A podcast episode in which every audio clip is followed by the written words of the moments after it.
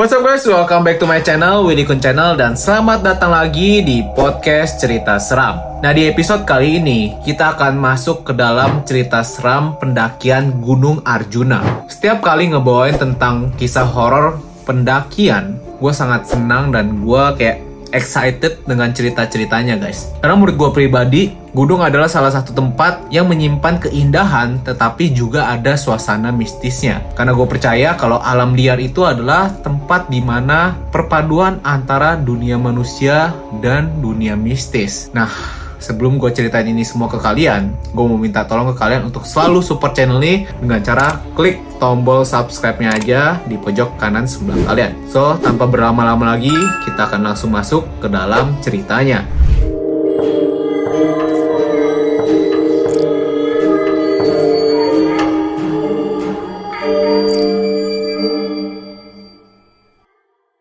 Anjir lah, Baru mulai ngetik udah berdiri aja nih bulu kuduk. Yang sering naik gunung pasti tau lah betapa seramnya tuh gunung. Kejadian ini udah agak lama sih, sekitar tahun 2017. Tapi bener-bener masih keinget jelas. Hari itu saya dan teman saya, sebut saja Wawan, cuma iseng-iseng berhadiah duduk di depan rumah si Wawan. Tiba-tiba saya kepikiran, mumpung libur, enaknya ke mana ya? Lalu si Wawan usul, Ayo naik gunung aja ya? Kamu kan belum pernah naik gunung. Lalu saya jawab, Ayolah, tapi naik gunung mana nih? Gimana kalau naik gunung Arjuno? Nah, di sini sebenarnya saya nggak pernah tahu mana gunung yang tinggi, mana yang angker, mana yang treknya sulit, terus persiapan buat daki apa aja, saya juga nggak ngerti. Namanya juga baru kenal naik gunung. Setahu saya, semua gunung pasti angker dan gunung yang paling tinggi cuma Gunung Semeru. Sedangkan si Wawan ini udah bolak-balik naik gunung, apalagi katanya dia udah kedua kalinya ke Gunung Arjuno. Jadi saya nggak takut kalau meskipun kali ini kita cuma naik berdua. Akhirnya saya mengiyakan ajakan Wawan tadi. Setelah mempersiapkan semuanya, Besoknya kami berangkat pukul 2 siang dari Surabaya dan sampai sana pukul setengah 5 sore via Tretes. Setibanya di tempat parkir, parkirannya nih rata-rata di rumah penduduk setempat. Tahu-tahu kami disamperin sama kakek-kakek yang tinggal di situ. Udah tua banget asli. Ternyata, oh ternyata, kakek itu udah kenal dong sama si Wawan. Lalu kami diajak ke rumah si kakek dan si kakek ini masih inget persis kalau si Wawan ini dulu pernah ke sini 2 tahun yang lalu. Motor kami sudah diparkirkan di rumah kakek ini. Nah, sekitar pukul 5-an, kami mulai beranjak pergi dan berpamitan pada si kakek ini. Kami pun diberi tongkat kayu untuk perjalanan nanti. Dan baru sekitar 5 menit perjalanan, eh, rasanya ini kaki udah mau patah. Anjir, capek banget ngos-kosan dan saya pun malah bayangin betapa enaknya di rumah bisa tiduran lah, teleponan sama pacar lah, main Mobile Legends lah, dan tongkat yang diberi kakek tadi saya buang. Rasanya kok malah susah ya kalau pakai tongkat gitu. Nah, di Gunung Arjuno ini ada banyak petilasan. Istilahnya apa saya nggak ngerti tapi bentuknya seperti ini. Jadi sini si penulis menggambarkan ada patung yang ditutup menggunakan kain putih, kemudian di belakangnya itu ada beberapa batu-batu yang disusun dan di depan bagian patung ini terdapat sesajen-sesajen atau persembahan-persembahan dari yang mendaki gunung. Kata si Wawan, ini kalau kita nemuin petilasan saat perjalanan, kita diharuskan berdoa, lalu semacam memberi sesembahan kalau sesembahan ini sih nggak wajib atau apalah istilahnya nggak ngerti saya. Di sini saya bawa rokok Surya 16 dan saya cuma kebagian 4 batang doang. 12 batang habis dikasih ke petilasan. Nah, baru beberapa meter perjalanan, azan udah mulai kedengeran. Ini berasal dari alarm handphone saya ya anyway. Keadaan udah mulai gelap, tapi mata masih bisa ngelihat tanpa senter. Perasaan saya udah mulai gak enak dan benar saja. Seketika itu mulai kedengaran suara tapak kaki seperti orang berlari. Ini asli, jelas banget. Posisi saya di belakang dan Wawan di depan buat cari jalan. Eh, untungnya suara itu lama-kelamaan makin menjauh. Baru saja kami menghela nafas. Tiba-tiba Suara itu kedengeran lagi dari samping kanan. Kali ini beneran, cepet banget suara langkah kakinya. Sedangkan kami langsung menoleh ke kanan, ternyata tidak ada apa-apa cuy. Malah makin merinding aja. Terus saya bilang, Itu apa sih? Wawan menjawab, Heh, mulutmu. Oh iya, lupa, sorry. Kalau di tempat seperti ini, jangan ngomong aneh-aneh kata Wawan. Sementara hilangkan dulu bahasa Surabayamu. Dan kami pun mulai menyalakan senter. Setelah agak jauh berjalan, tibalah kami di alas Lali Jiwo.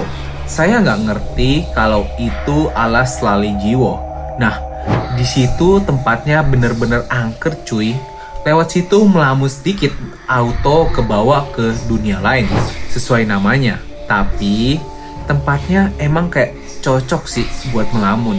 Ditambah angin yang lewat, rasanya pas banget buat melamun. Nah di sini penulis memberikan gambaran dari alas lali jiwo, di mana pepohonan sangat banyak, tapi ditutupi oleh kabut yang sangat tebal guys. Seperti itulah tempatnya kata penulis. Nah di sini Wawan pinter banget.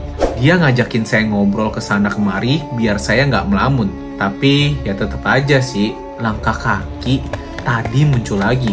Kali ini beneran muncul sosoknya dari arah kanan lewat depan kami pas. Dan saya bisa pastiin si Wawan ini pasti melihatnya juga. Saya bilang, Wan, kamu lihat kan? terus Wawan menjawab, Iya, aku lihat. Tadi kira-kira orang apa bukan ya Wan? Alah, jangan dipikirin terus. Biarin saja, itu cuma pengen kenalan sama kita. waduh dalam hati saya bilang, Dasmu Wan. Meskipun terlihat samar-samar, wujudnya kali ini kelihatan gak jauh beda sama manusia. Hanya saja ini ada ekornya, dan tingginya pun sama seperti manusia pada umumnya. Dan yang paling mengerikan, oh my god, jari-jarinya panjang banget asli. Not, ini aja saya nulis masih kerasa merinding cuy di sekitaran leher kiri. Akhirnya, tanpa basa-basi, kami berdua lari cuy, beneran ketakutan. Kami turun ke penginapan yang ada di sekitar 3 per 4 gunung. Oh iya, ini memang ada kok penginapan di situ dan ada beberapa alat masaknya juga. Kalau nggak salah, tarifnya si kelasnya pada waktu itu. Setelah sampai, ternyata banyak orang yang beristirahat di situ juga. Dan saya dengar dari percakapan orang di situ, ternyata malam ini adalah malam satu suro. Pantesan aja. Dan ada yang bilang, kalau orang-orang ini sengaja nggak ngelanjutin perjalanannya karena besok pagi ada rencana tumpengan di puncak Gunung Arjuno. Malam itu emang bener-bener bikin kami senam jantung. Setelah itu kami bikin kopi sasetan yang sudah kami bawa dari rumah. Begitu jadi langsung bisa diminum tanpa kepanasan untuk menenangkan pikiran sejenak menurut kami. Lalu kami pun lanjut tidur berjejeran, tidur model ikan pindang. Nah, di sini saya tiba-tiba pilek dan hampir kehilangan nyawa dengan konyol. Bagaimana tidak? Saya gak bisa napas cuy. Kata si Wawan sih. Maaf ya agak jorok. Ingus saya yang semula air malah jadi beku. Saking dinginnya kali ya. Akhirnya saya keluarin semua itu ingus meskipun rada susah dan tiduran saya dengan nyenyak. Paginya kami beranjak pergi dari penginapan untuk melanjutkan perjalanan menuju puncak di mana nanti di atas akan ada acara tumpengan dengan semua orang yang ada di situ. Dan setelah sampai puncak, semua orang melakukan semacam upacara. Saya lupa apa namanya, lalu dilanjutkan dengan acara tumpengan tadi, di mana penduduk sekitar bergotong royong membawa semua masakan dari rumah masing-masing menuju ke puncak. Tidak boleh ada yang mengabadikan momen tersebut karena katanya sangat sakral. Momen itu membuat saya benar-benar lupa semua kejadian yang saya alami kemarin malam.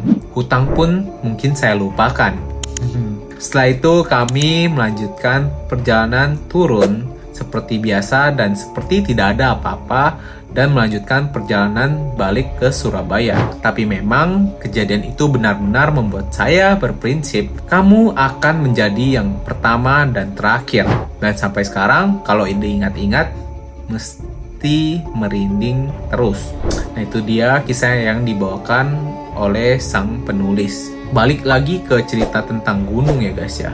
Karena gunung-gunung seperti ini pastinya ada penunggunya, apalagi malam satu suro tuh pada bermunculan tuh sama kejadiannya kayak gitu tuh. Biasanya kalau pada malam satu suro bakal langsung muncul ke depan kita gitu. Tapi yang menarik yang gue denger ya, guys, tentang penampakan. Kalau kita ngedenger suara hantu, biasanya kalau suara hantu itu deket sama kita, artinya hantu itu jauh sama kita, guys. Nah, kalau misalnya kita ngedenger suara hantu itu jauh banget sama kita, kita harus berhati-hati karena posisi dari hantu itu sebaliknya dia akan deket sama kita. Nah, kejadian sama dari cerita yang diceritakan, mereka pertama-tama denger tuh langkah kakinya deket kan, tapi nggak ada-ada wujudnya. Tapi ketika mereka ngedenger langkah kakinya semakin jauh, tiba-tiba muncul di samping mereka. Nah, kejadian-kejadian seperti inilah yang harus kita mengerti ya. Kalau kita ngedengar ada suara-suara mistis gitu, kalau suaranya jauh, uh, lebih baik banyak-banyak berdoa dan jangan terlalu melihat ke arah yang gelap. Dan pastinya jangan sering bengong guys. Kalau kita bengong bisa kehantem langsung kesurupan tuh guys. Nah itu dia kisah hari ini guys. Gimana menurut kalian? Kalian ada gak sih kisah tentang pendakian atau cerita seram yang kalian mau share juga di podcast cerita seram ini? Kalau kalian mau share juga bisa langsung ya DM di Instagram gua. Nah itu dia podcast cerita seram hari ini. Jangan lupa untuk selalu support channel ini dengan cara klik tombol subscribe-nya dan inilah saatnya kalian share podcast cerita seram. Nah itu dia konten hari ini guys. See you guys in the next episode. Gue Willy Kun, sign out. Ciao. Thank you guys.